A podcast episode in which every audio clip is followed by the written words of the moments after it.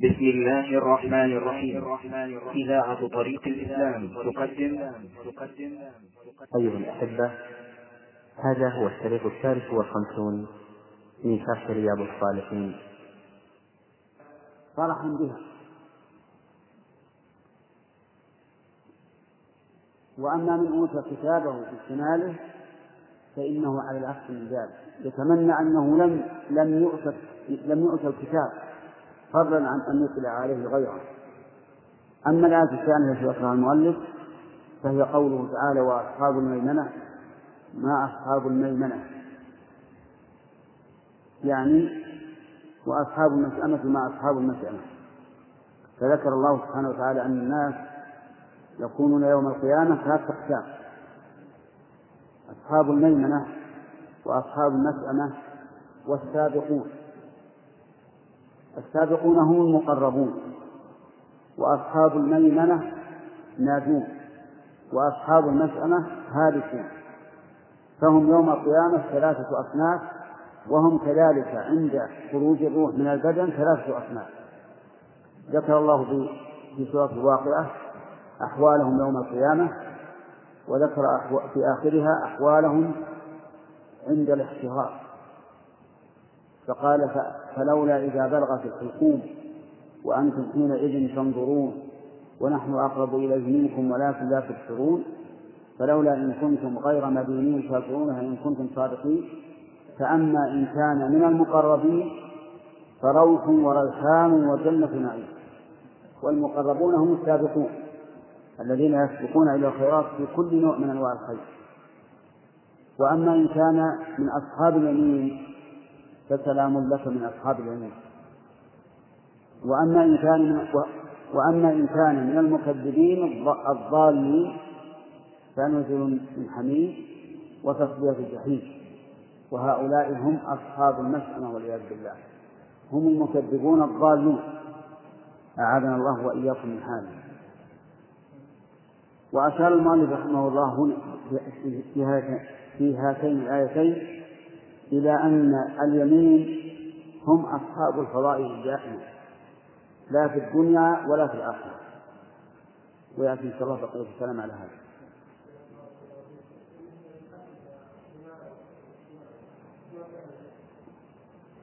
مر علينا بالأمس وقلنا إن الأكل بالشمال أو الشرب بالشمال حرام وأنه من من اتباع خطوات الشيطان والعياذ بالله. فلا يحل للإنسان أن يأكل بشماله أو أن يشرب بشماله. بسم الله الرحمن الرحيم. الحمد لله رب العالمين والصلاة والسلام على نبينا محمد وعلى آله وصحبه أجمعين. نقل المؤلف رحمه الله تعالى في سياق الأحاديث في باب استحباب تقديم اليمين في كل ما هو من باب التكريم. عن عائشة رضي الله عنها قالت كان رسول الله صلى الله عليه وسلم يعجبه التيمم في شأنه كله في طهوره وترجله وتنعله متفق عليه.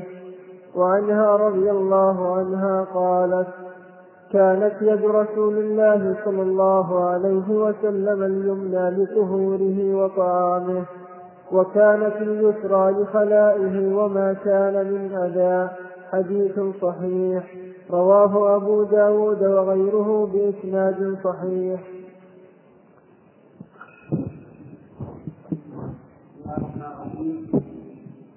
نقل المؤلف رحمه الله تعالى في باب استحباب تقديم اليمين فيما من شأنه التكريم. عن عائشة رضي الله عنها قالت كان النبي صلى الله عليه وسلم يعجبه الصيام في شأنه كله. في شأنه كله أي في جميع أحواله. يعجبه يعني يسره ويستحسن البداءة باليمين في كل شيء. في طهوره وتنعله وترجله في طهوره يعني إذا تطهر يبدأ باليمين. فيبدأ بغسل اليد اليمنى قبل اليسرى وبغسل الرجل اليمنى قبل اليسرى. وأما الأذنان فإنهما عضو واحد داخلان في الرأس فيمسح بهما جميعا. إلا إذا كان لا يستطيع أن يمسح إلا بيد واحدة فهنا يبدأ بالأذن اليمنى للضرورة. وقولها ترجله. الترجل يعني تسبيح الشعر ومسطه ودهنه وكان الرسول صلى الله عليه وعلى آله وسلم كعادة الناس في ذلك الوقت لا يأخذ رأسه إلا في حج أو عمرة. لكن أحيانا يأخذ منه وأحيانا يبقيه فأحيانا يكون يشحن في أذنيه وأحيانا ينزل حتى يضرب على منكبيه فكان صلى الله عليه وسلم يتعاهد يتعاهد بالتنظيف والتسريح والدهن حتى يبقى نظيفا لا يكون فيه الغبار ولا القمل ولا غير ذلك مما يستقدر وكذلك أيضا يجب التيمم في تنعله أي إذا لبس النعل فإنه يبدأ باليمين قبل اليسار. وإذا خلا يبدأ باليسار قبل اليمين.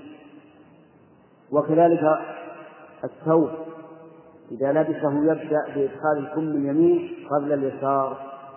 وكذلك السروال يبدأ بإدخال اليد الرجل اليمنى قبل اليسرى والعكس في الخلف.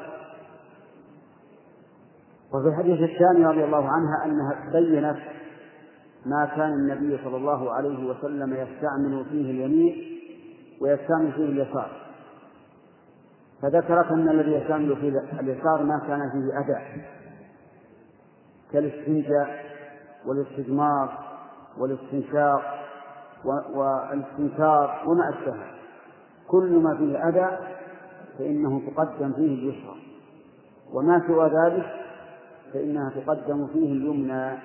تكريما لها لأن الأيمن أفضل من الأيسر كما مر علينا في فيما سبق في الدرس الماضي. اللهم بسم الله الرحمن الرحيم. الحمد لله رب العالمين والصلاة والسلام على نبينا محمد وعلى آله وصحبه أجمعين. نقل المؤلف رحمه الله تعالى في سياق الأحاديث في باب استحباب تقديم اليمين في كل ما هو من باب التسليم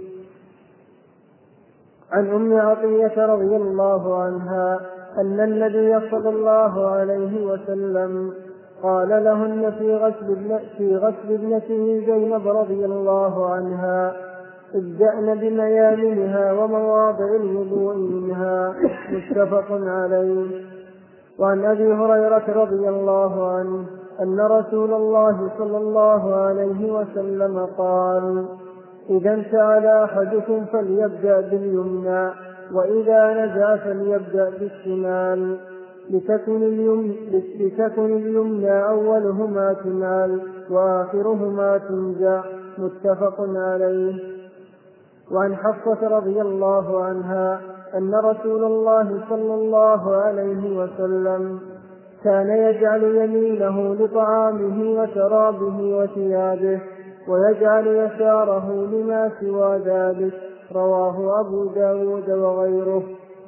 وعن أبي هريرة رضي الله عنه أن رسول الله صلى الله عليه وسلم قال إذا لبستم وإذا توضأتم فابدأوا بأيامنكم حديث صحيح.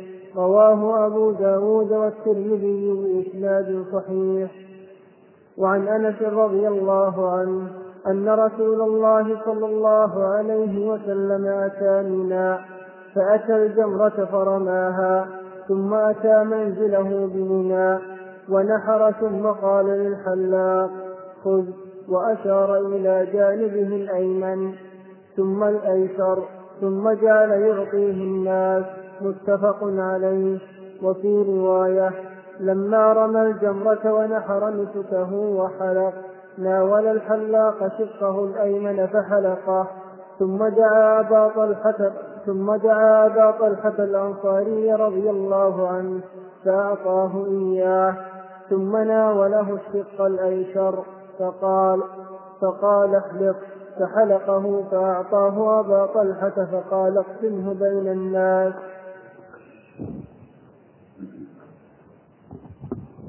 الرحيم. هذه الأحاديث في بيان استحباب البداءة باليمين فيما طريقه التكليف وتقديم اليسار فيما طريقه الأداء والقدر كالإستنجاء والاستثمار وما أشبه ذلك. ذكر المؤلف عن أم عطية رضي الله عنها. وكانت أم عطية من الأنصار من نساء الأنصار ولها أعمال جليلة منها أنها تغسل الأموات من النساء. فماتت زينب بنت محمد صلى الله عليه وعلى آله وسلم. فحضرن ليغسلنها. فقال لهن النبي صلى الله عليه وعلى آله وسلم ابدعن بميامنها ومواضع الوضوء منها. وكيفية تغسيل الميت؟ أن يبدأ أولا يخلع تخلع ثيابه بعد أن يوضع على عورته ما يسترها ثم يضع الغاسل خرقة على يده كي يعني يغسل فرجه القبل والدبر حتى ينظفه. ثم بعد ذلك يزيل هذه الخرقة ويغسل كفيه. كما يتوضأ الإنسان في العادة. ثم يأخذ خرقة مبلولة بالماء فينشف فينظف أسنانه وفمه وينظف من خرج. بدلا عن المضمضة والاستنشاق ولا يدخل الماء في فمه ولا في أنفه لأنه إذا فعل ذلك نزل الماء إلى جوفه وربما يخرج فيؤذيه عند الترحيب ثم بعد هذا يغسل وجهه ويديه إلى المرفقين ويمسح رأسه ويغسل رجليه وضوءا كاملا. ثم بعد بعد ذلك يغسل رأسه برغوة السدر لأنه لا بد يكون عنده ماء آه، فيه سدر مقطون يضربه بيديه يخبطه حتى يكون له رغوة. فيأخذ الرغوة ويغسل بها الرأس. ثم يغسل ببقية السدر بقية البدن. المرأة لا يغسلها إلا نساء. حتى أبوها لا يغسلها ولا ابنها ولا أحد من محارمها إلا النساء أو الزوج. والرجل لا يغسله إلا الرجال. لا تغسله أمه ولا بنته ولا أحد من النساء إلا زوجته. فالزوج يغسل زوجته والزوجة يغسلها زوجها. وما سوى ذلك لا يغسل الذكر الأنثى ولا الأنثى الذكر. حضرت النساء لتغسيل زينب بنت رسول الله صلوات الله وسلامه عليه. فقال عليه الصلاة والسلام ابدعن بميامنها يعني بالأيمن قبل الأيسر اليد اليمنى قبل اليسرى واليد اليمنى قبل اليسرى والشق الأيمن قبل الشق الأيسر. ومواضع الوضوء منها. ففعلنا ذلك. وجعلنا رأسها ثلاثة قرون. يعني ثلاث دقائق الجانب الأيمن قرن والأيسر قرن ووسط الرأس قرن.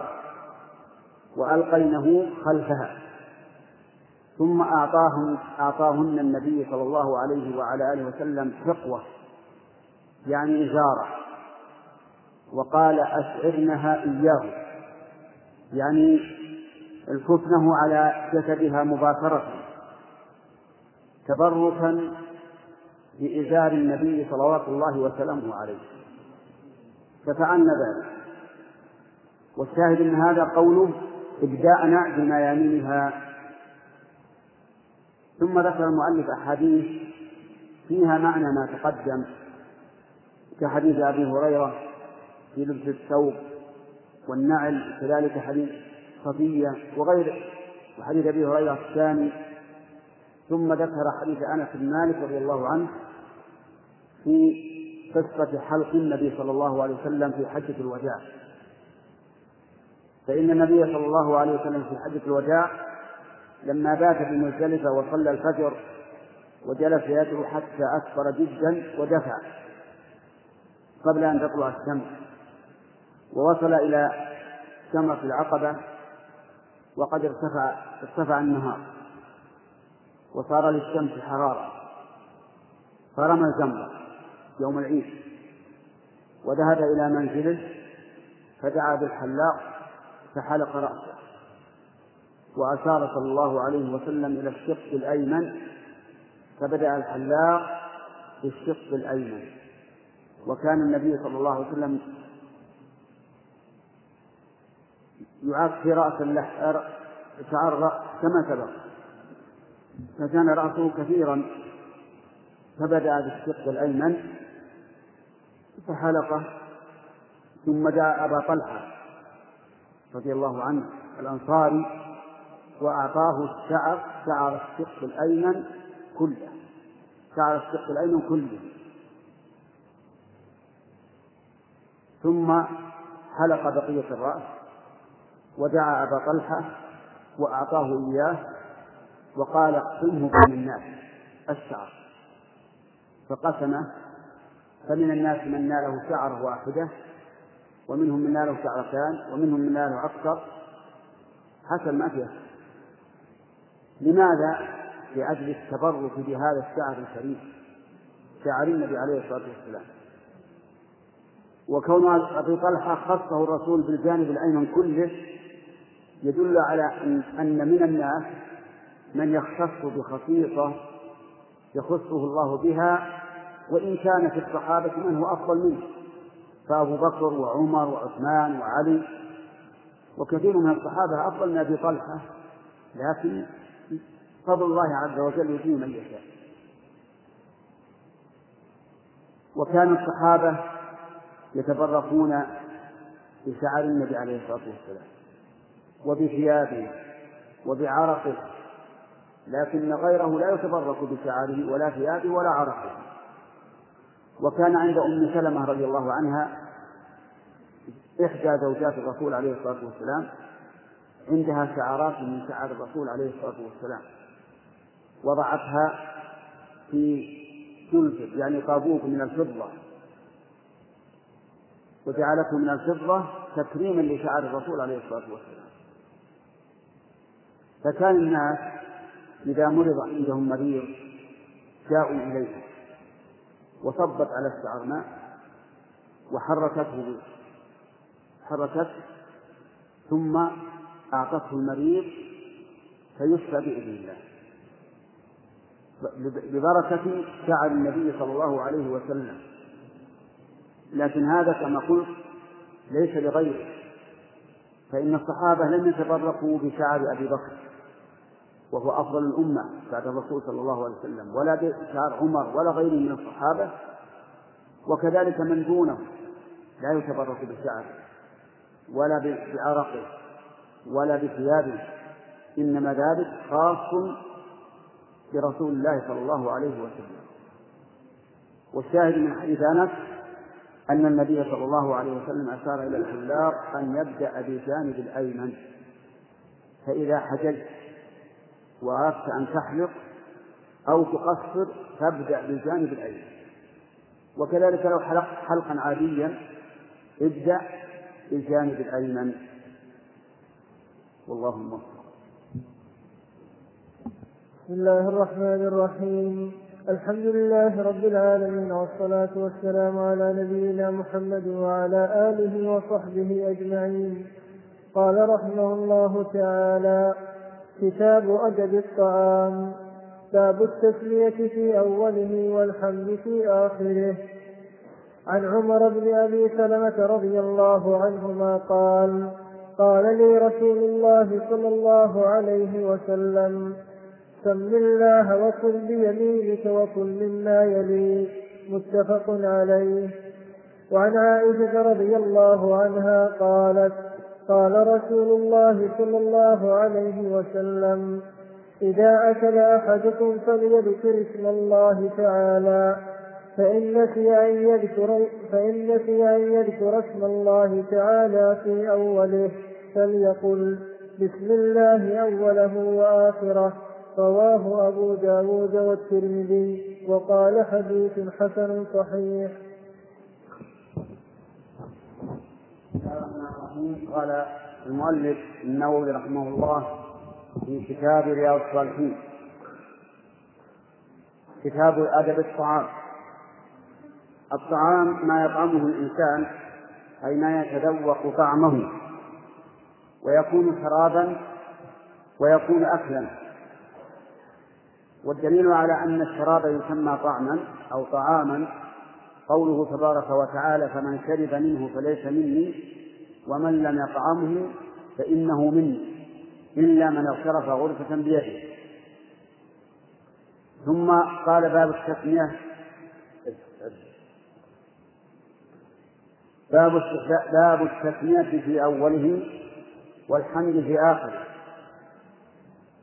ثم ذكر حديث عمر بن أبي سلمة رضي الله عنه. وكان ربيب النبي صلى الله عليه وعلى آله وسلم يعني من زوجته أم سلمة. فإنه قدم للنبي صلى الله عليه وعلى آله وسلم طعام. وكان غلاما صغيرا فجعلت يده تطيش في الصحفة من هنا ومن هنا. وكان النبي صلى الله عليه وعلى آله وسلم لا يدع مجالا يحتاج إلى التعليم إلا علم حتى الصغار فقال له يا غلام سم الله وكل بيمينك وكل مما يليك. هذه ثلاثة آداب في الأكل علمها النبي صلى الله عليه وعلى آله وسلم هذا الغلام. أولا قال سم الله يعني قل بسم الله. ولا حرج أن يزيد الإنسان الرحمن الرحيم لأن هذين الاسمين أثنى الله بهما على نفسه في بسملة في البسملة في القرآن الكريم. بسم الله الرحمن الرحيم. فإذا قال بسم الله الرحمن الرحيم فلا حرج. وإن اقتصر على بسم الله كفى. قال يا غلام سم الله. والتسمية على الأكل واجبة. إذا تركها الإنسان فإنه يأثم ويشاركه الشيطان في أكله. ولا أحد يرغب أن يشاركه عدوه في أكله في سبيل موسى. لا أحد يشاركه يرضى أن يشاركه أحد في أكله. عدو له الشيطان. فإذا لم تقل بسم الله فإن الشيطان يشاركك فيه فإن فيك أن تسمي في أوله وذكرت في أثنائه فقل بسم الله أوله وآخره كما أرشد إلى ذلك النبي صلى الله عليه وعلى آله وسلم في الحديث الذي رواه روته عائشة وأخرجه أبو داود والترمذي. الثانية قال كل بيمين والأكل باليمين واجب. من من أكل بشماله فهو آثم عاصر للرسول صلى الله عليه وسلم. ومن يعص الرسول فقد عصى الله ومن يطع الرسول فقد أطاع الله. والثالثة كل مما يليك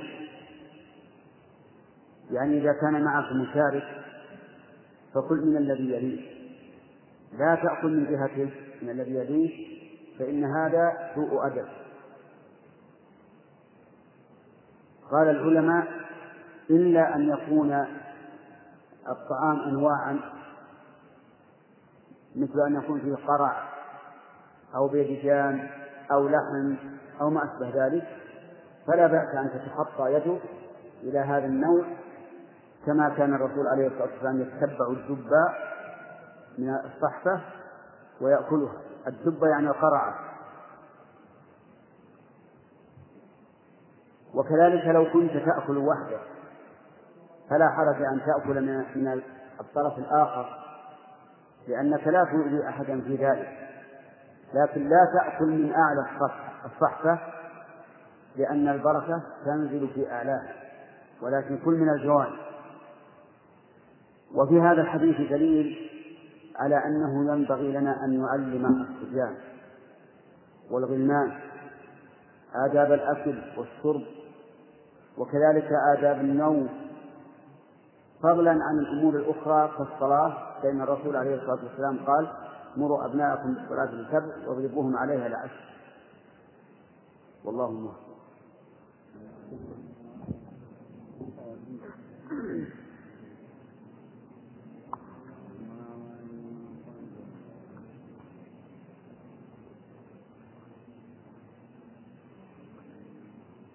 بسم الله الرحمن الرحيم. الحمد لله رب العالمين والصلاة والسلام على نبينا محمد وعلى آله وصحبه أجمعين.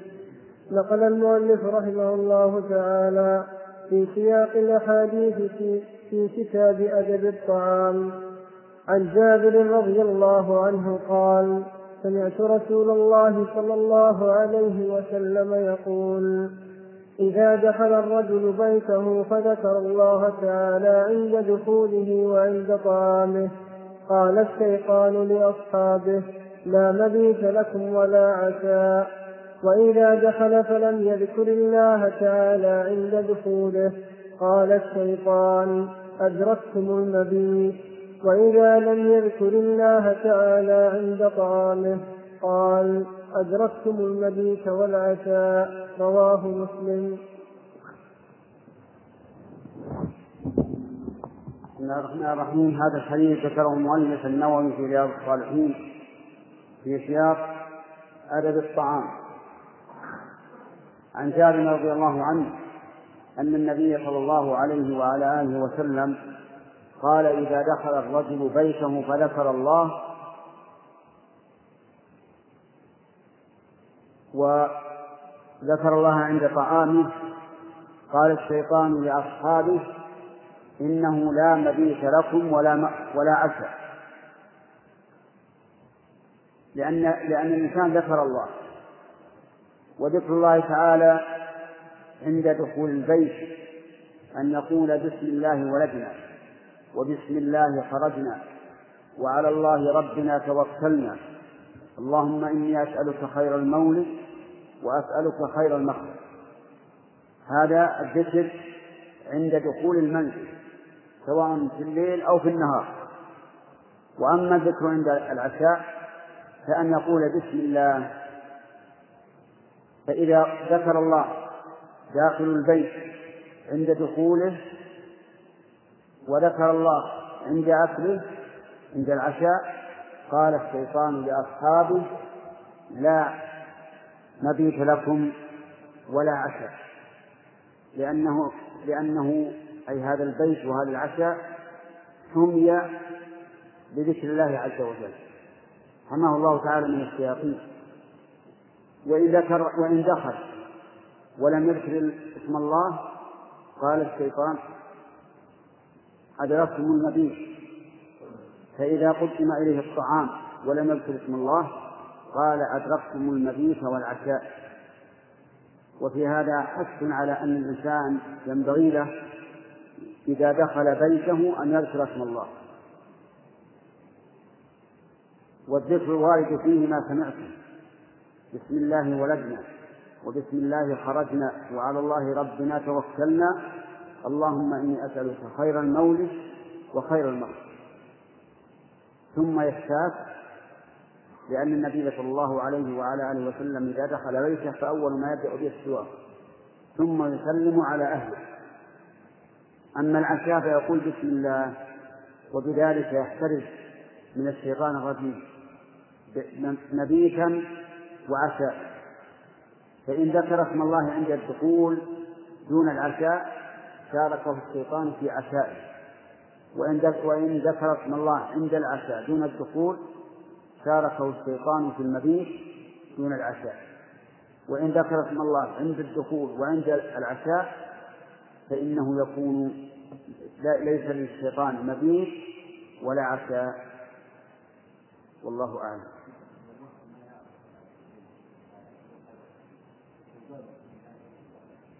ربما تره إذا دخل بيتها قال بسم الله ربما يسمع إن شاء الله. بسم الله الرحمن الرحيم. الحمد لله رب العالمين والصلاة والسلام على نبينا محمد وعلى آله وصحبه أجمعين. نقل المؤلف رحمه الله تعالى في سياق الأحاديث في كتاب أجر الطعام. عن حذيفة رضي الله عنه قال كنا إذا حضرنا مع رسول الله صلى الله عليه وسلم طعاما لم نضع أيدينا حتى يبدأ رسول الله صلى الله عليه وسلم فيضع يده وإنا حضرنا معه مرة طعاما فجاءت جارية كأنها تدفع فذهبت لتضع يدها في الطعام فأخذ رسول الله صلى الله عليه وسلم بيدها ثم جاء أعرابي كأنما يدفع فأخذ بيده فقال رسول الله صلى الله عليه وسلم إن الشيطان يستحل الطعام لا يذكر اسم الله تعالى عليه وإنه جاء بهذه الجارية ليستحل بها فأخذت بيدها فجاء بهذا الأعرابي فجاء بهذا الأعرابي ليستحل به فأخذت بيده والذي نفسي بيده. إن يده في يدي مع يديهما ثم ذكر اسم ثم ذكر اسم الله تعالى وأكل رواه مسلم.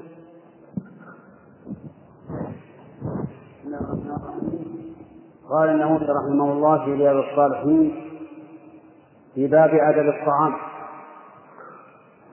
فيما نقله عن حذيفة بن اليمان رضي الله عنه قال كنا إذا كنا مع النبي صلى الله عليه وسلم في طعام لم نضع أيدينا فيه حتى يضع رسول الله صلى الله عليه وسلم يده.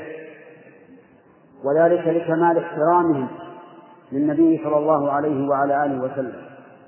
لا يضعون أيديهم في الطعام حتى يضع يده. فجاء فحضر ذات يوم طعام إلى رسول الله صلى الله عليه وسلم فلما بدأوا أو قدم لهم جاءت جارية يعني طفلة صغيرة كأنما تدفع دفعا يعني كانها ترفض فأرادت أن تضع يدها في الطعام بدون أن تسمي فأمسك النبي صلى الله عليه وعلى آله وسلم بيدها ثم جاء أعرابي كذلك كأنما يدفع دفعا فجاء ليضع يده في الطعام فأمسك النبي صلى الله عليه وسلم بيده. ثم أخبر النبي صلى الله عليه وسلم أن هذا الأعرابي وهذه الجارية جاء بهما الشيطان لأجل أن يستحل الطعام بهما إذا أكلا بدون تسمية. وهما قد يكونان معذورين لجهلهما. هذه لصغرها وهذا أعرابي لكن الشيطان أتى بهما من أجل إذا أكلا بدون تسمية شارك في الطعام.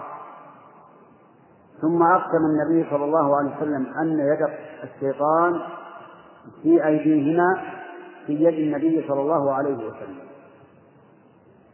وهذا الحديث يدل على فوائد. منها احترام الصحابة لرسول الله صلى الله عليه وعلى آله وسلم وأدبهما وأدبهم معه. ومنها أنه ينبغي إذا كان فيه كبير في الطعام أن لا يتقدم أحد قبل أكله. يعني يجعلون الكبير هو الذي يأكل أولا لأن التقدم بين يدي الكبير غير مناسب وغير أدب. ومنها أن الشيطان يأمر الإنسان ويحثه ويذكره على فعل ما لا, ما لا ينبغي. وقد جاء في القرآن الكريم الشيطان يعدكم الفقر ويأمركم بالفحشاء. وقال تعالى يا أيها الذين آمنوا لا تتبعوا خطوات الشيطان ومن يتبع خطوات الشيطان فإنه يأمر بالفحشاء والمنكر. فدل هذا على أن الشيطان له إمرة على بني آدم والمعصوم من عصمه الله. ومنها أن أن الإنسان إذا أتى في أثناء الطعام فليسمي لا يقول سمى الأولون قبلي يسمي ولكن إذا كانوا جميعا بدأوا بالطعام جميعا هل يكفي تسمية الواحد؟ إن كان الواحد سمى سرا فإن تسميته لا تكفي لأن الآخرين لم يسمعوها وإن سمى جهرا ونوى عنه الجميع فقد يقال إنها تكفي وقد يقال الأفضل أن كل إنسان يسمي لنفسه وهذا أكمل وأحسن ومنها من فوائد هذا الحديث أن للشيطان يدا لأن النبي صلى الله عليه وعلى آله وسلم أمسك بيده. ومنها أيضا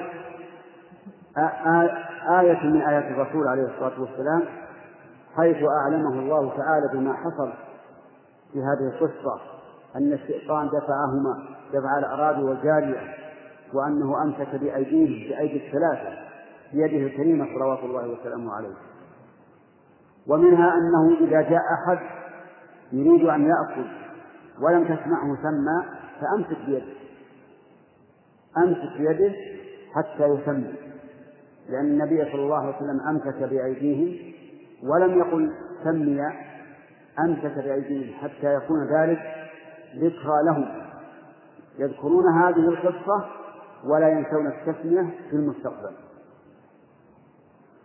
ومن فوائد هذا الحديث تأكد التسمية عند الأكل والصحيح أن التسمية عند الأكل واجبة وأن الإنسان إذا لم يسمي فهو عاص لله عز وجل وراض بأن يشاركه في طعامه أعدى عدو له وهو الشيطان. فلذلك كانت التسمية واجبة فإن نسيت التسمية في أوله وذكرت في أثنائه فقل بسم الله أوله وآخره. والله موفق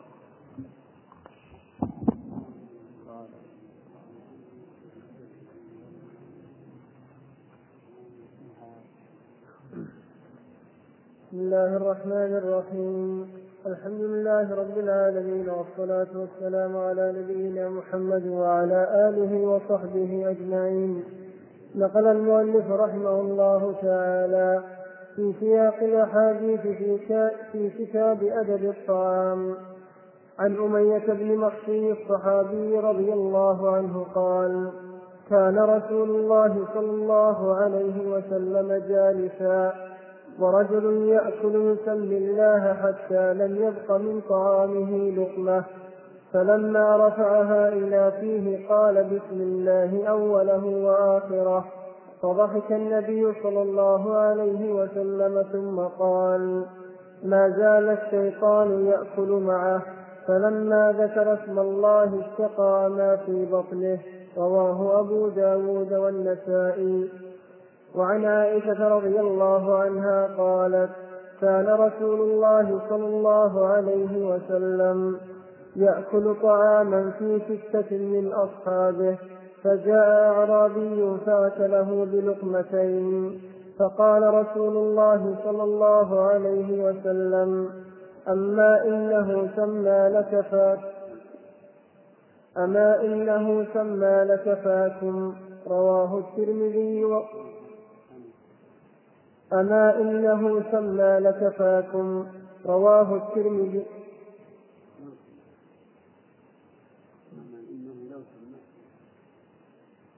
أما إنه لو سمى لكفاكم رواه الترمذي وقال حديث حسن صحيح.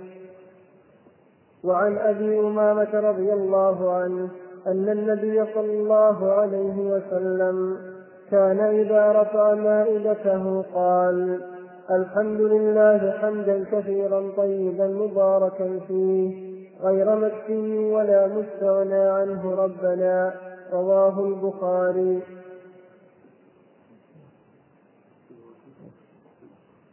وعن معاذ بن أنس رضي الله عنه قال قال رسول الله صلى الله عليه وسلم من أكل طعاما فقال الحمد لله الذي أطعمني هذا ورزقنيه من غير حول مني ولا قوة غفر له ما تقدم من ذنبه رواه أبو داود والترمذي وقال حديث حسن. هذه الأحاديث في كتاب أدب الطعام. ساقها النووي رحمه الله في رياض الصالحين. وفيها دلالة على أمور. أولا أن الإنسان إذا لم يسم الله على طعامه فإن الشيطان يأكل معه. بحديث أمية بن نصر أن رجلا أكل طعاما فلم يسم فلما بقي لقمة واحدة كأنه ذكر فسمى الله تعالى. فضحك النبي صلى الله عليه وعلى آله وسلم وأخبر أن الشيطان كان يأكل معه فلما ذكر اسم الله طاء الشيطان ما أكله. وهذه من نعمة الله سبحانه وتعالى أن الشيطان يحرم أن يأكل معنا إذا سمينا في أول الطعام وكذلك إذا سمينا في آخره وقلنا بسم الله أوله وآخره فإنما أكله يتقيأه فيحرم إياه وفيه دليل على أن الشيطان يأكل لأنه أكل من هذا الطعام وهو كذلك. فالشيطان يأكل ويشرب ويشارك الآكل والشارب إذا لم يسم الله تعالى على أكله وشربه وكذلك ذكر حديث عائشة رضي الله عنها أن النبي صلى الله عليه وسلم كان يأكل في ستة نفر من أصحابه. فجاء أعرابي فدخل معهم فأكل الباقي بلقمتين. هذا كأنه جائع والله أعلم فجاء من فجاء منهما في الأكل. فأكل الباقي بلقمتين فقال النبي صلى الله عليه وسلم أما إنه لو سمى لكفاكم لكنه لم يسمي فأكل الباقي كله بلقمتين ولم ولم يكفه. وهذا يدل على أن الإنسان إذا لم يسمي نزعت البركة من طعامه لأن الشيطان يأكل معه. فيكون الطعام الذي يظن أنه يكفيه لا يكفي لأن البركة البركة تنزع منه. وبقية الأحاديث فيها دليل على أن الإنسان ينبغي له إذا أكل أكلا أن يحمد الله سبحانه وتعالى وأن يقول الحمد لله الذي أطعمني من غير حول ولا ولا قوة. وهو وهو لو أن الله لولا أن الله يسر لك هذا الطعام ما حصل لك. كما قال تعالى أفرأيتم ما تحرثون أأنتم تزرعونه أم نحن الزارعون? لو نشاء لجعلناه حطاما فظلتم تفكهون إنا لمغرمون بل نحن محرومون. فالإنسان لولا أن الله ييسر له الطعام من حين أن يبذر ثم ينبت ثم يحفظ ثم يحضر إليه ثم يطحن ثم يعجن ثم يطبخ ثم يسر الله له الأكل ما سيسر له ذلك. ولهذا قال بعض العلماء إن الإنسان لا إن الطعام لا يصل إلى الإنسان ويقدم إليه إلا وقد سبق ذلك نحو مئة نعمة من الله بهذا الطعام. ولكننا أكثر الأحيان في غفلة عن هذا. نسأل الله أن يطعمنا وإياكم طعاما حلال وأن يرزقنا شكر نعمته. إنه على كل شيء قدير. غير محسوم ربنا ولا مستغنى عنه. يعني معناه أننا لا نستغني عن الله عز وجل ولا أحد يكفينا دونه. فهو فهو حسبنا وهو رازقنا جل وعلا. بسم الله الرحمن الرحيم. الحمد لله رب العالمين والصلاة والسلام على نبينا محمد وعلى آله وصحبه أجمعين. قال رحمه الله تعالى باب لا يعيب الطعام واستحباب مدحه. عن أبي هريرة رضي الله عنه قال ما عاب رسول الله صلى الله عليه وسلم طعاما قط. إن اشتهاه أكله وإن كرهه تركه. متفق عليه. وعن جابر رضي الله عنه أن النبي صلى الله عليه وسلم سأل أهله الأذن فقالوا أن النبي صلى الله عليه وسلم سأل أهله الأذن فقالوا ما عندنا إلا خل. فدعا به فجعل يأكل ويقول نعم الأدم الخل نعم الأدم الخل رواه مسلم. قال المؤلف النووي رحمه الله في كتابه رياض الصالحين. باب لا يعيب الطعام واستحباب مدحه. الطعام ما يطعم من مأكول ومشروب. والذي ينبغي للإنسان إذا قدم له الطعام أن يعرف قدر نعمة الله سبحانه وتعالى بتيسيره. وأن يشكره على ذلك وأن لا يعيبه إن كان يشتهيه وطابت به نفسه فليأكل وإلا فلا يأكل ولا يتكلم فيه بقدر أو بعيب ودليل ذلك حديث أبي هريرة رضي الله عنه قال ما عاد النبي صلى الله عليه وسلم طعاما قط يعني لم يعد أبدا فيما مضى طعاما. ولكنه إن اشتهاه أكله وإلا تركه إن جاز له أكله وإلا تركه ولا يعيده مثال ذلك رجل قدم له تمر. وكان التمر رديئا. فلا يقول هذا تمر رديء. يقال إن اشتهيته فكله وإلا فلا تأكل. أما أن تعيبه وهو نعمة أنعم الله بها عليك ويسرها لك فهذا لا يليق. كذلك صنع طعام فقدم إليه ولكنه لم يعجبه فلا يعيش يقال إن كان هذا الطبخ قد جاز لك فكل وإلا فاترك ولكن لا بأس أن يقول لأهله أنتم اليوم أكثرتم الملح أو أكثرتم الحار أو الطعام حار أو ما أشبه ذلك. لأن هذا الثاني ليس عيبا للطعام بل هو تنبيه للذي صنعه أن يلاحظ الطعام ويصنعه على ما ينبغي. وأما مدح الطعام والثناء عليه فذكر حديث عائشة رضي الله عنها أن النبي صلى الله عليه وسلم قال هل عندكم من أذن؟ قالوا ما عندنا شيء إلا الخل. والخل عبارة عن ماء يوضع فيه التمر حتى يكون حلوا. فجيء إليه بالطعام بالخل فجعل يعتدم به. يعني يغط فيه الخبز ويأكله ويقول نعم الإدام الخل نعم الإدام الخل وهذا كلام على الطعام. لأن الخل وإن كان شرابا يشرب لكن الشراب يسمى طعاما. قال الله تعالى فمن شرب منه فليس مني ومن لم ومن لم يطعمه فإنه مني. وإنما سمي طعاما لأن له طعما يطعم. وهذا وهذا أيضا من هدي النبي عليه الصلاة والسلام أنه إذا أعجبه الطعام أثنى عليه.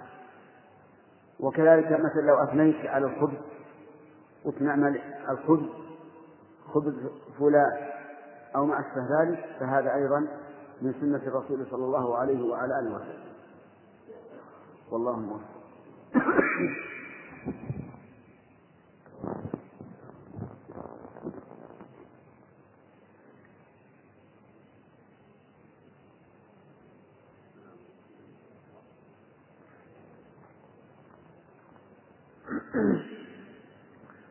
بسم الله الرحمن الرحيم.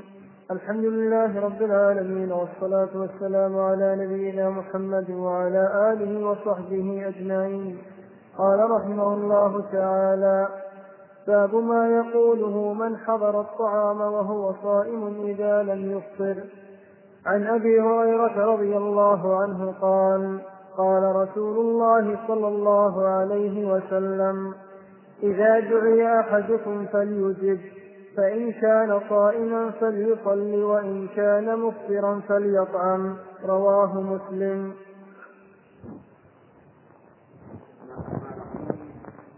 قال المؤلف رحمه الله تعالى في كتابه رياض الصالحين باب ما يقوله إذا حضر طعاما وهو صائم ولم يفطر ثم ذكر حديث أبي هريرة رضي الله عنه.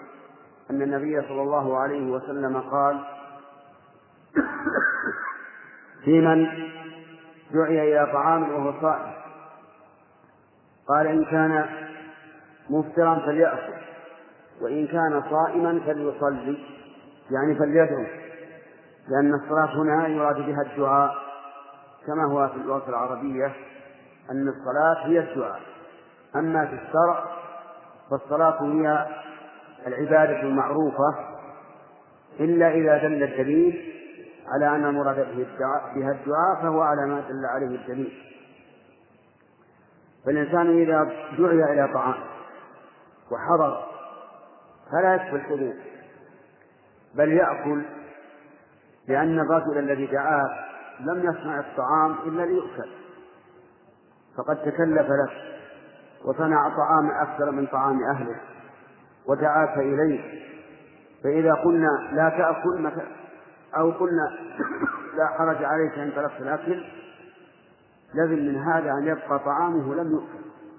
فمثلا لو دعا عشرة وصنع لهم طعاما وقلنا إن الواجب الحضور دون الأكل ثم قاموا ولم يأكلوا أو قدم الطعام ولم وقال تفضلوا ولم يأكلوا لصار في ذلك مفسدة لماله مضيعة لماله وصار في قلبه على الحاضرين شيء لماذا لم يأكلوا طعاما فنحن نقول إذا دعاك داع فالسنة أن تجيبه إلا إذا كان الداعي هو الزوج في وليمة العرس فإن الواجب أن تجيب إلى دعوته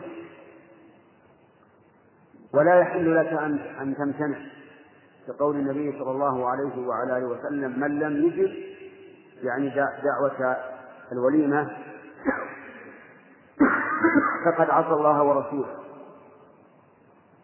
أما غيرها من الدعوات مثل الإنسان دعاك بطعام لأنه قدم من سفر أو لأنه دعا أصحابه وما أشبه ذلك فأنت بالخيار.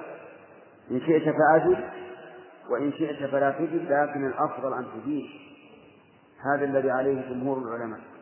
وقال بعض العلماء يجب أن تجيب في دعوة الطعام في العرس وغيره إلا لسبب شرعي. فإذا حضر فإن كنت مفطرا فكل وإن كنت صائما فادعو لصاحب الطعام وأخبره بأنك صائم حتى لا يكون في قلبه شيء. وإن رأيت أنه إذا. أنك إذا أكلت إذا أفطرت وأكلت صار أطيب لقلبه فأفطر. إلا أن يكون الصوم صوم فريضة فلا تفطر. فتبين الآن أن المسألة ثلاث أحوال. إذا دعاك وأنت مفطر فكل. إذا دعاك وأنت صائم صوم فريضة فلا تأكل ولا تفطر. إذا دعاك وأنت صائم صوم نفل فأنت بالخيار. إن شئت فأفطر وكل وإن شئت فلا تأكل وأخبره بأنك صائم. واتبع في ذلك ما هو الأصل. إذا رأيت أن من من الخير أن تفطر فأفطر وكل. وإلا فلزوم الصيام أولى. والله أعلم. نعم.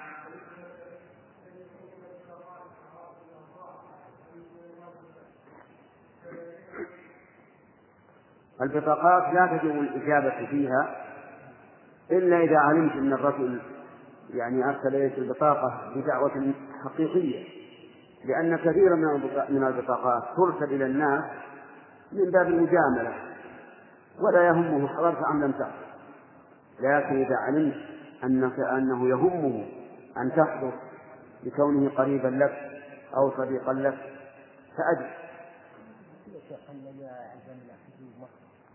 اعطانا هذا الفصاد له اللي ما يجي شيء عندهم اللي ما يجي تجي له بهذا يعني نجد نجد عليه يعني حد وهل كل كل كل بعض يجي بعض ما يجي؟ لا تسامح. تسامح تسامح. تسامح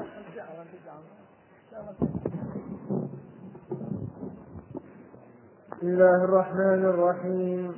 الحمد لله رب العالمين والصلاة والسلام على نبينا محمد وعلى آله وصحبه أجمعين. قال رحمه الله تعالى باب ما يقوله من دعي إلى طعام فتبعه غيره.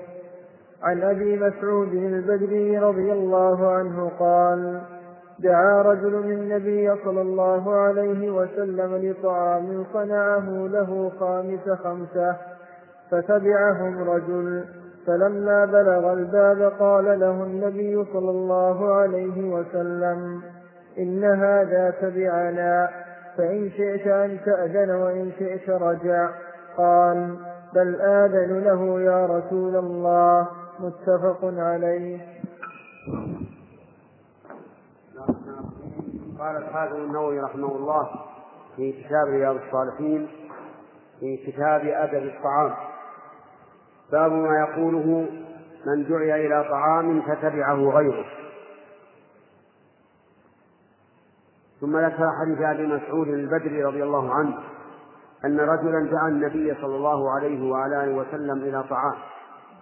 خامس خمسة يعني حدد العدد لأنهم خمسة فتبعهم رجل فكانوا ستة فلما بلغ النبي صلى الله عليه وسلم منزل الداعي استأذن للرجل السادس فليدخل أم لا؟ فأذن له صاحب البيت. ففي هذا دليل على فوائد. أولا أنه يجوز للإنسان إذا دعا قوما أن يحدد العدد ولا حرج في ذلك. وبعض الناس يقول إنه إذا حدد العدد فإنه يعني أنه بخيل. لماذا يحدد ولكن يقال قد يكون الإنسان قليل ذات اليد يحتاج أن يحدد لأجل أن يصنع الطعام الذي لا يزيد عن كفايته. ولا سيما في مكان يكون فيه عامة الناس فقراء. أما الأغنياء فالحمد لله لا يحددون وفيه أيضا دليل على جواز اتباع الرجل للمدعوين من لعله يحصل على طعام. لأن النبي صلى الله عليه وعلى آله وسلم لم يمنع هذا الرجل من اتباعهم بل استأذن له. ولأنه ورد أيضا في حديث أبي هريرة رضي الله عنه حين استتبع النبي صلى الله عليه وسلم بل حين تبع النبي صلى الله عليه وعلى آله وسلم من أجل أن أن يشبع بطنه. وفيه أيضا دليل على أنه إذا جاء إذا جاء مع الإنسان من لم يدع فإنه يستأذن له. خصوصا إذا كنت تظن أن صاحب البيت دعاك لغرض خاص لا يحب أن يطلع عليه أحد. فحينئذ لا بد أن تستأذن. وفيه أيضا دليل على أنه لا حرج على صاحب البيت إذا لم يأذن للذي تبع المدعو. لأنه لو كان في ذلك حرج ما استأذنه النبي عليه الصلاة والسلام. فلما استأذن دل على أنه بالخيار إن شاء أذن وإن شاء قال ارجع وذلك أن الإنسان إذا استأذن على شخص فصاحب البيت بالخيار. إن شاء أذن له وإن شاء قال ارجع. وقد قال الله تعالى وإذا قيل وإذا قيل ارجعوا فارجعوا هو أزكى لكم. فلا يكون في صدرك حرج ولا في نفسك ضيق. إذا استأذنت على شخص وقال ارجع أنا الآن مسؤول. خلافا لبعض الناس إذا استأذن على إنسان وقال له ارجع أنا مسؤول صار في قلبه شيء وهذا غلط لأن الناس لهم حاجات خاصة ببيوتهم. وقد يكون لهم آه، تعلقات بأناس آخرين أهم. فإذا استأذنت على شخص في البيت وقال لك الآن عندي شغل ارجع فارجع بكل راحة وبكل طمأنينة لأن هذا هو الشر. والله موفق.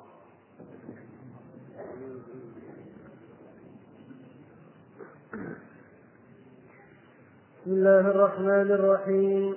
الحمد لله رب العالمين والصلاة والسلام على نبينا محمد وعلى آله وصحبه أجمعين.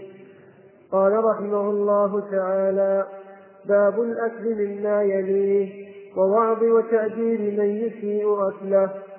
عن عمر بن أبي سلمة رضي الله عنهما قال كنت غلاما في حجر رسول الله صلى الله عليه وسلم وكانت يدي تطيش في الصحفة فقال لي رسول الله صلى الله عليه وسلم يا غلام سم الله وكل بيمينك وكل مما يليه متفق عليه.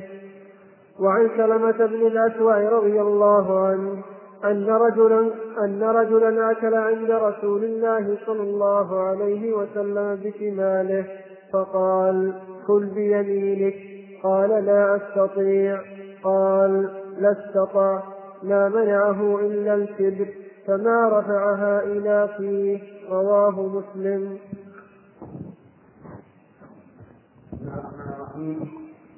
قال النووي رحمه الله في كتاب رياض الصالحين باب الأكل باليمين ومما يليه وتعليم من يخالف ذلك.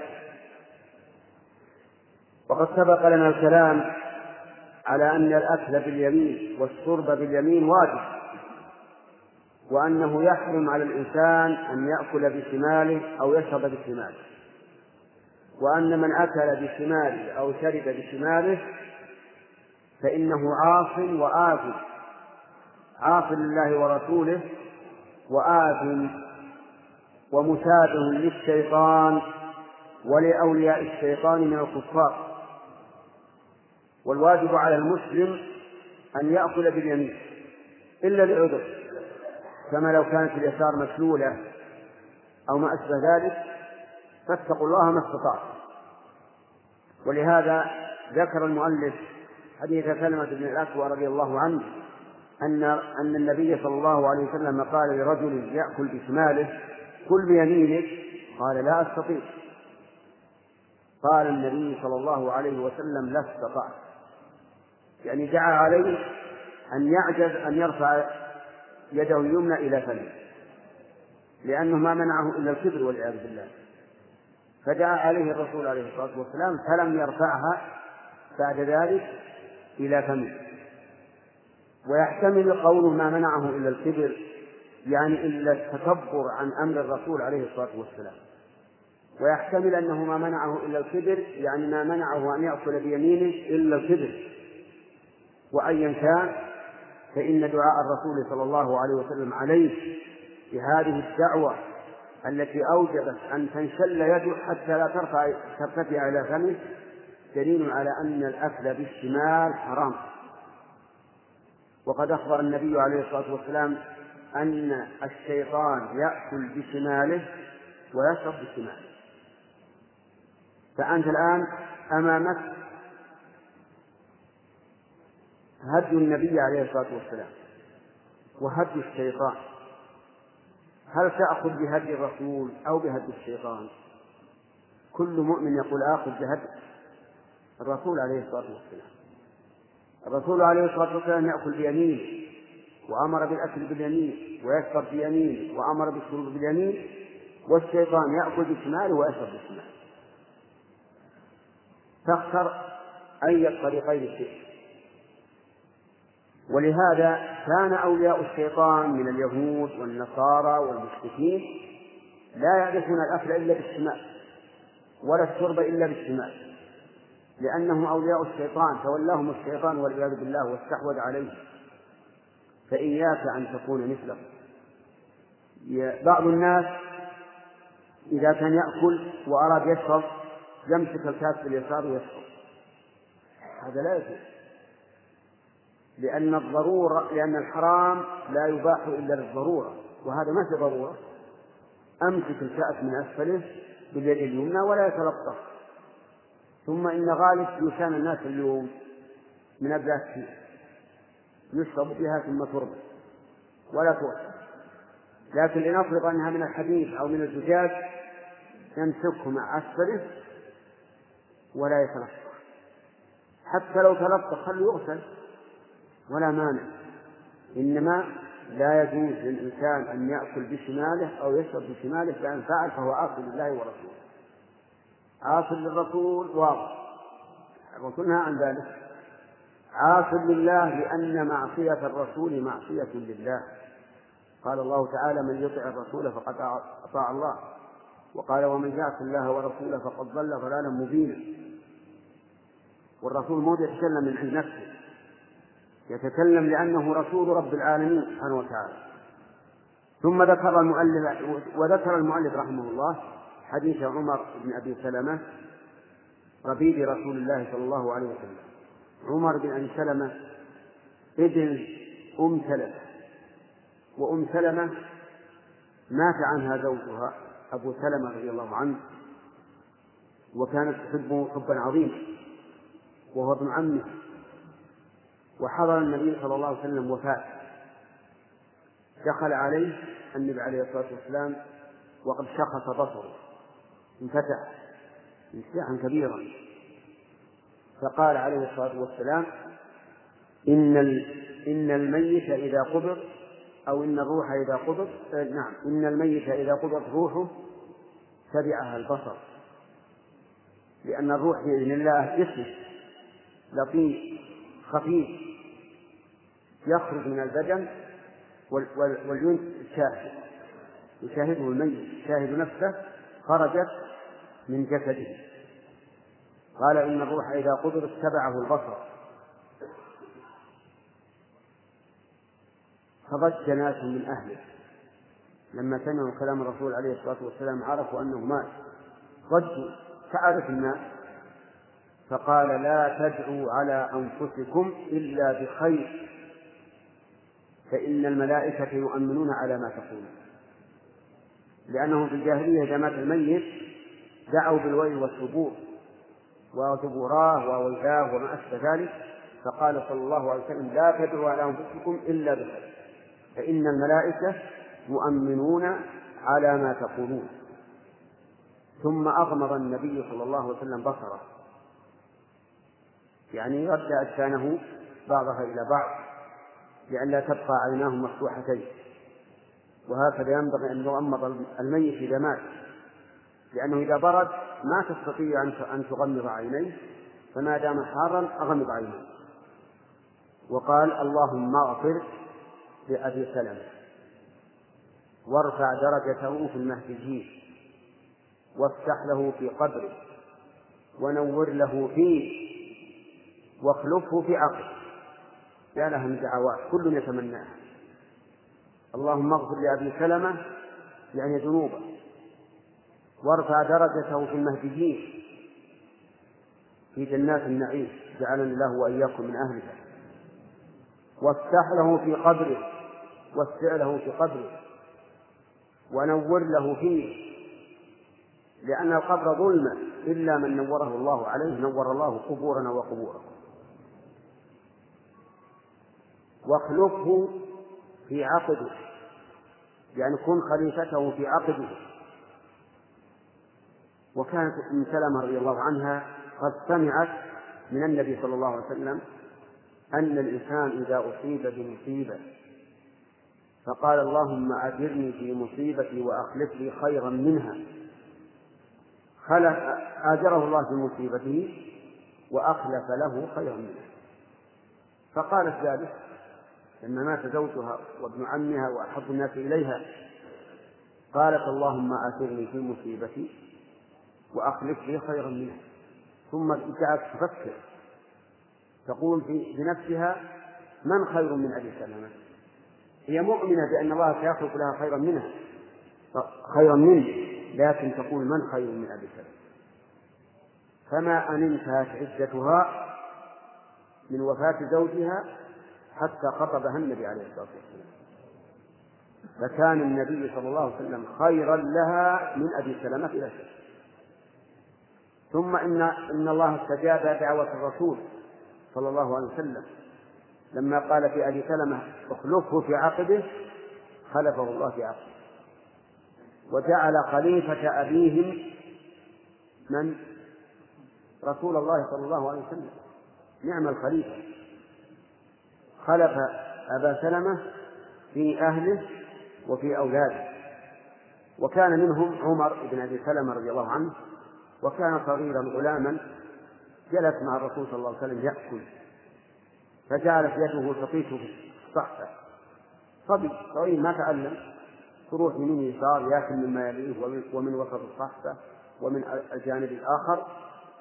فقال له النبي صلى الله عليه وسلم يا غلام سم الله يعني قل بسم الله عند الأكل وكل بيمينك وكل مما يليك كيف علم الرسول هذا الغلام؟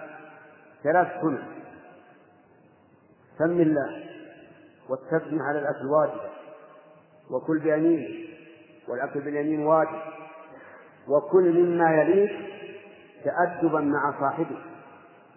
لأنه من سوء الأدب أنك تأكل من حافة صاحبه. كل يليك تعلمه النبي عليه الصلاة والسلام ثلاث سنن في أكلة واحدة. وهذه من بركات النبي صلى الله عليه وسلم أن يجعل الله فيه بركة يعلم في كل مناسبة وكذلك ينبغي لطالب العلم وغير طالب العلم كل من علم سنة ينبغي أن يبينها في كل مناسبة لا تقل أنا أنا لست بعالم. نعم لست, لست بعالم لكن عندك علم. قال النبي عليه الصلاة والسلام بلغوا عني ولو آية واحدة. فينبغي للإنسان في مثل هذه الأمور أن ينتهز الفرص. كلما سنحت الفرصة لنشر السنة فانشرها يكن لك أجرها وأجر من عمل بها إلى يوم القيامة. والله موفق. بسم الله الرحمن الرحيم. الحمد لله رب العالمين والصلاة والسلام على نبينا محمد وعلى آله وصحبه أجمعين. قال رحمه الله تعالى باب النهي عن عن القران بين تمرتين ونحوهما إذا أكل جماعة إلا بإذن رفقته. عن جبلة بن سحيم رضي الله عنه قال أصابنا عام سنة أصابنا عام سنة مع ابن الزبير فرزقنا تمرا. وكان عبد الله بن عمر رضي الله عنهما يمر بنا ونحن نأكل فيقول لا تقارنوا. فإن النبي صلى الله عليه وسلم نهى عن القران ثم يقول إلا أن يستأذن الرجل أخاه. متفق عليه. باب ما يقوله ويفعله من يأكل ولا يشبع.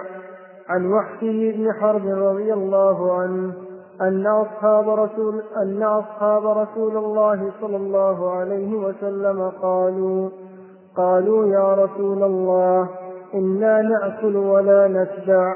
قال فلعلكم تفترقون.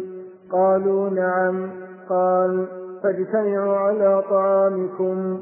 واذكروا اسم, واذكروا اسم الله يبارك لكم فيه.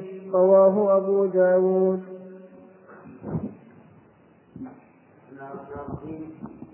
هذان بابان ذكرهما النووي رحمه الله في رياض الصالحين. أما أولهما فهو في النهي عن القران بين التمرتين ونحوهما مما يؤكل أفرادا إذا كان مع جماعة إلا بإذن أصحابه. يعني مثلا الشيء الذي جرت العادة أن يؤكل واحدة واحدة كالتمر. إذا كان معك جماعة فلا تأكل تمرتين جميعا لأن هذا يضر بإخوانك الذين معك. تأكل أكثر منه إلا إذا استأذنت. وقلت تأذنون لي أن آكل تمرتين في آن واحد فأذنوا لك فلا بأس. وكذلك الذي يؤكل ما جاء في العادة بأنه يؤكل أفرادا كبعض الفواكه الصغيرة التي يسقطها الناس حبة حبة ويأكلونها فإن الإنسان لا يجمع بين ثنتين إلا بإذن صاحبه الذي معه. مخافة أن يأكل أكثر مما يأكل صاحبه. أما إذا كان الإنسان وحده فلا بأس أن يأكل التمرتين جميعا أو أو الحبتين مما يأكل أفرادا جميعا لأنه لا يضر بذلك أحدا إلا أن يخشى على نفسه من السرق أو الغصب. فإن العامة يقولون من كبر اللقمة غص فإذا كان يخشى أنه لو أكل تمرتين جميعا أو حبتين جميعا مما يؤكل أفرادا أن غص فلا يفعل لأن ذلك يضر بنفسه. والنفس أمانة عندك لا يحل لك أن أن تفعل ما ما يؤذيها أو يضرها. ثم ذكر المؤلف ما راه ابن عمر رضي الله عنهما عن النبي صلى الله عليه وسلم أنه نهى عن عن القران يعني أن يقرن الإنسان بين تمرتين إلا أن يستأذن من كان معه فلا بأس. أما الباب الثاني فهو في الذي يأكل ولا يشبع. الذي يأكل ولا يشبع له له أسباب منها أن لا أن لا يسمي الله على الطعام. فإن الإنسان إذا لم يسمي الله على الطعام أكل الشيطان معه. ونزعت البركة من طعامه. ومنها أن يأكل من أعلى الصح الصحفة فإن ذلك أيضا مما ينزع البركة من الصحفة لأن النبي صلى الله عليه وعلى آله وسلم نهى أن يأكل الإنسان من أعلى الصح الصحفة فإن فيه البركة بل يأكل من الجوانب ومنها التفرق على الطعام فإن ذلك أيضا من أسباب نزع البركة لأنه أي التفرق يستلزم أن كل واحد يجعل له إناء خاص فيتفرق الطعام وتنزع بركته. ولذلك لو أنك جعلت لكل إنسان طعاما يعني في في صحن واحد أو في إناء واحد. لتفرق الطعام. لكن إذا جعلته كله في إناء واحد اجتمعوا عليه وصار في القليل بركة. وهذا يدل على أنه ينبغي للجماعة أن يكون طعامهم في إناء واحد. يعني جاب صحن يكفي العشرة أو الخمسة حسب الذين في البيت ويكون طعامهم واحدا. فإن ذلك من أسباب نزول البركة والتفرق من أسباب نزع البركة. والله موفق. بسم الله الرحمن الرحيم. الحمد لله رب العالمين والصلاة والسلام على نبينا محمد وعلى آله وصحبه أجمعين. قال رحمه الله تعالى باب الأمر بالأكل من جانب من جانب القصعة والنهي عن الأكل وسطها. عن ابن عباس رضي الله عنهما عن النبي صلى الله عليه وسلم قال البركة تنزل وسط الطعام فكلوا من حافتيه ولا تأكلوا من وسطه. رواه أبو داود والترمذي وقال حديث حسن صحيح. وعن عبد, وعن عبد الله بن بشر رضي الله عنه قال كان للنبي صلى الله عليه وسلم قصعة يقال لها الغراء, الغراء يقال لها الغراء يحملها أربعة رجال. فلم فلما أضحوا وسجدوا الضحى أتي بتلك القصعة يعني فرج فيها فالتقوا عليها. فلما كثر جفى رسول الله صلى الله عليه وسلم فقال أعرابي ما هذه الجلسة؟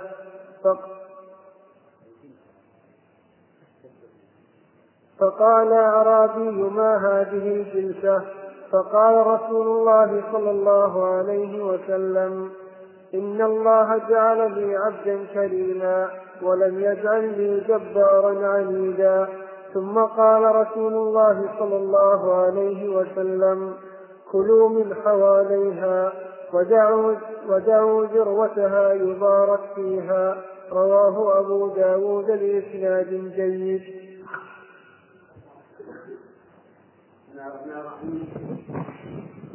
هذا الباب الذي عقده النووي رحمه الله في رياض الصالحين في كتاب أدب الطعام. يفيد ما أشرنا إليه فيما سبق وهو أنه ينبغي للناس أن يأكلوا من حوائط القصر لا يعني من جوانبها لا من وسطها يعني لا من أعلاها ففي حديث عبد الله بن عباس وعبد الله بن بسر رضي الله عنهما ما يدل على ذلك وأن الإنسان إذا قدم إليه الطعام فلا يأكل من أعلاه. يأكل من الجانب وإذا كان معه جماعة فليأكل مما يليه ولا يأكل مما يلي غيره. وفي قوله صلى الله عليه وسلم إن البركة تنزل في أعلاها يدل على أن الإنسان لو أكل من أعلاها أي من الوسط نزعت البركة من الطعام. قال أهل العلم إلا إذا كان الطعام أنواعا وكان اللحم وكان نوع منه في الوسط وأراد أن يأخذ منه شيئا فلا بأس مثل أن يوضع اللحم في وسط الصحن فإنه لا بأس أن تأكل من اللحم ولو كان في وسطه لأنه ليس له نظير في في جوانبها فلا حرج. كما أن النبي صلى الله عليه وعلى آله وسلم كان يتتبع الدب يلتقطها من الصحفة كلها والدبة هي القرعة وفي حديث عبد الله بن بكر رضي الله عنه دليل على استحباب ركعتي الضحى. لقوله فلما سجدوا الضحى أي لما صلوا صلاة الضحى. وصلاة الضحى سنة ووقتها من ارتفاع الشمس قدر الرمح. يعني من ربع ساعة من طلوع الشمس إلى قبيل الزوال يعني إلى أن يبقى على الظهر عشر دقائق. كل هذا وقت له. وهي سنة ينبغي للإنسان أن يحافظ عليها لأنها أي أي ركعتي الضحى تغني عن الصدقات التي تصبح على كل عضو من أعضاء البدن. كما أخبر النبي صلى الله عليه وعلى آله وسلم بأنه يصبح على كل سلامة من الناس صدقة كل يوم تطلع فيه الشمس. يعني كل عضو من أعضائك عليك به صدقة؟ كل يوم. لكن ليست صدقة مال فقط بل التسبيح صدقة والتكبير صدقة والتهليل صدقة وقراءة القرآن صدقة والأمر بالمعروف صدقة والنهي عن المنكر صدقة ومعونة الرجل على عكسه ومع ذلك صدقة والكلمة الطيبة صدقة وإتيان الرجل زوجته صدقة كل شيء يتقرب به العبد إلى ربه فهو صدقة ويجزئ عن ذلك ركعتان يركعهما من الضحى وهذا يدل على أن سنة الضحى سنة في كل يوم وفيه أيضا دليل على أن الإنسان عند الأكل لا يأكل متكئا وإنما يأكل مستوفدا يعني جاثيا على ركبتيه حتى لا يخطئ من الأكل. لقول النبي عليه الصلاة والسلام في الإكثار من الأكل ما ملأ ابن آدم وعاء شرا من بطن. فإن كان لا محالة فثلث لطعامه وثلث لشرابه وثلث لنفسه.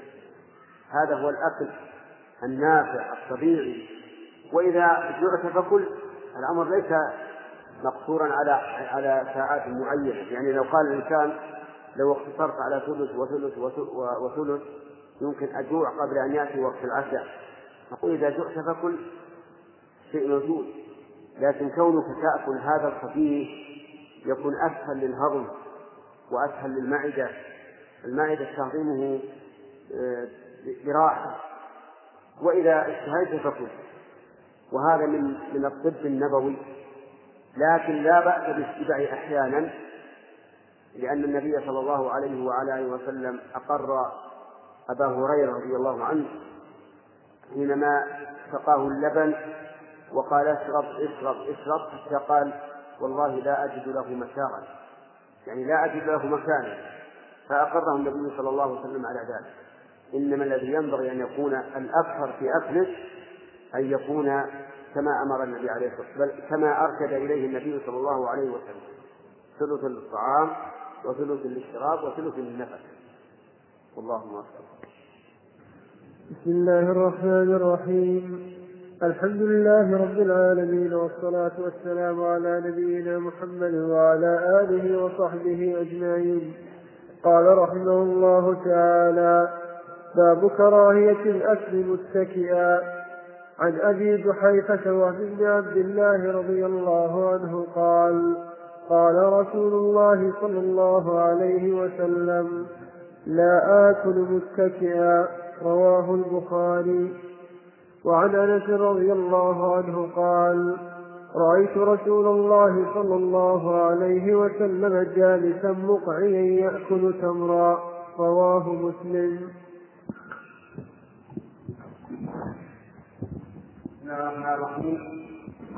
قال النووي رحمه الله في رياض الصالحين في كتاب أدب الطعام باب النهي عن الأكل متكئا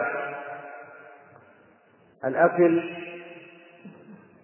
ينقسم بالنسبة للجلوس له إلى قسمين. قسم منهي عنه وليس من هدي النبي صلى الله عليه وعلى آله وسلم وهو أن يأكل الإنسان متكئا إما على اليد اليمنى أو على اليد اليسرى. وذلك لأن الاتكاء يدل على غطرسة وكبرياء وهذا معنى نفسي ولأنه إذا أكل متكئا يتضرر حيث يكون مجرى الطعام متمايلا ليس مستقيما فلا يكون على طبيعته. فربما حصل في مجال الطعام أضرار من ذلك. ولهذا قال النبي عليه الصلاة والسلام في حديث أبي جحيفة عبد الله بن وهب السوائي رضي الله عنه قال النبي صلى الله عليه وسلم لا آكل متكئا. يعني ليس من هدي أن آكل متكئا. وذلك للسببين اللذين ذكرناهما. سبب معنوي يقوم بالنفس وهو الكبرياء وسبب حسي يتعلق بالبدن وهو الضرر الذي ينتج عن الأكل على هذا الوجه. وذكر المؤلف حديث أنس أن النبي صلى الله عليه وسلم أنه رأى النبي صلى الله عليه وسلم يأكل تمرا مقعيا والإقعاء أن ينصب قدميه ويجلس على عقبيه. هذا هذا هو الإقعاء وإنما أكل النبي صلى الله عليه وسلم كذلك لأن لئلا يعني يستقر في الجلسة فيأكل أكلا كثيرا. لأن الغالب أن الإنسان إذا كان مقعيا لا يكون مطمئنا في الجلوس فلا يأكل كثيرا. وإذا كان إذا كان غير مطمئن لا يأكل كثيرا. وإذا كان مطمئنا فإنه يأكل كثيرا. هذا هو الغالب. وربما يأكل الإنسان كثيرا وهو غير مطمئن وربما يأكل قليلا وهو مطمئن. لكن من أسباب تقليل الأكل أن لا يستقر الإنسان في جلسته وأن لا يكون مطمئنا اطمئنانا كاملا والحاصل أن عندنا جلستين الجلسة الأولى الاتكاء وهذه ليس من هدي النبي صلى الله عليه وسلم أن يأكل متكئا. والبقية كله جائز كل أنواع الجلوس جائز لكن أحسن ما يكون أن لا تجلس جلسة الإنسان المطمئن المستقر لئلا يكون ذلك سببا لإفساد الطعام. وإفساد الطعام لا ينبغي. الأفضل أن يأكل الإنسان ثلثا للطعام للأكل وثلثا للشراب وثلثا للنفس.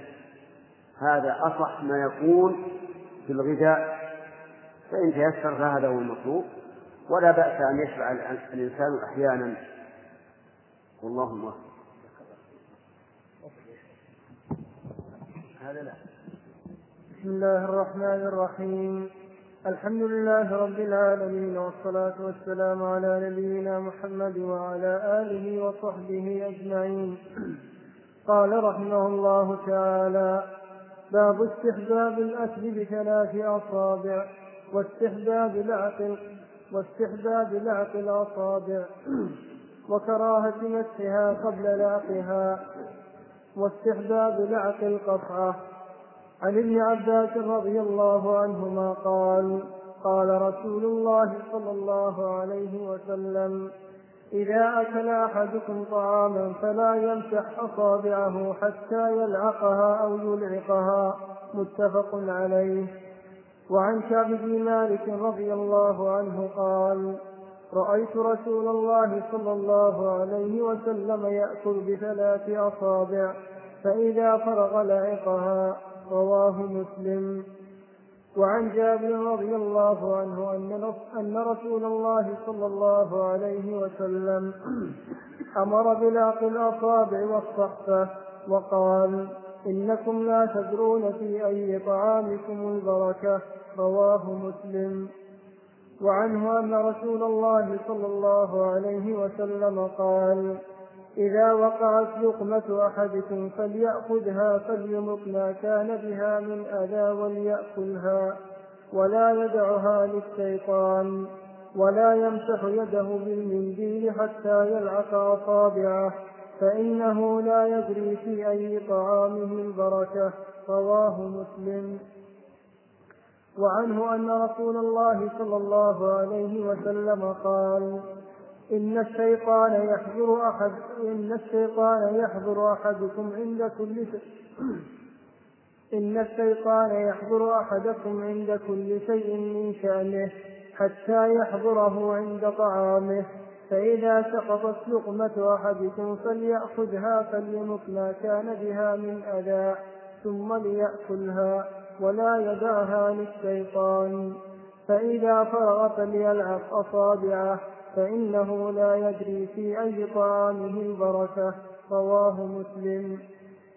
وعن أنس رضي الله عنه قال كان رسول الله كان رسول الله صلى الله عليه وسلم إذا أكل طعاما لعق أصابعه الثلاث وقال إذا سقطت لقمة أحدكم فليأخذها وليمط عنها الأذى وليأكلها ولا يدعها للشيطان. وأمرنا أن وأمرنا أن نثبت القطعة وقال إنكم لا تدرون في أي طعامكم البركة. رواه مسلم. وعن سعيد بن الحارث رضي الله عنه أنه سأل جابر رضي الله عنه عن الوضوء. عن الوضوء مما مست النار فقال لا قد كنا زمن النبي صلى الله عليه وسلم لا نجد مثل ذلك الطعام إلا قليلا. فإذا نحن وجدناه لم يكن لنا مناديل إلا أكفنا وسواعدنا وأقدامنا.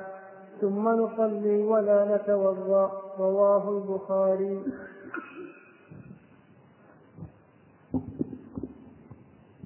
هذه الأحاديث التي ذكرها المؤلف رحمه الله في كتابه رياض الصالحين في آداب الطعام.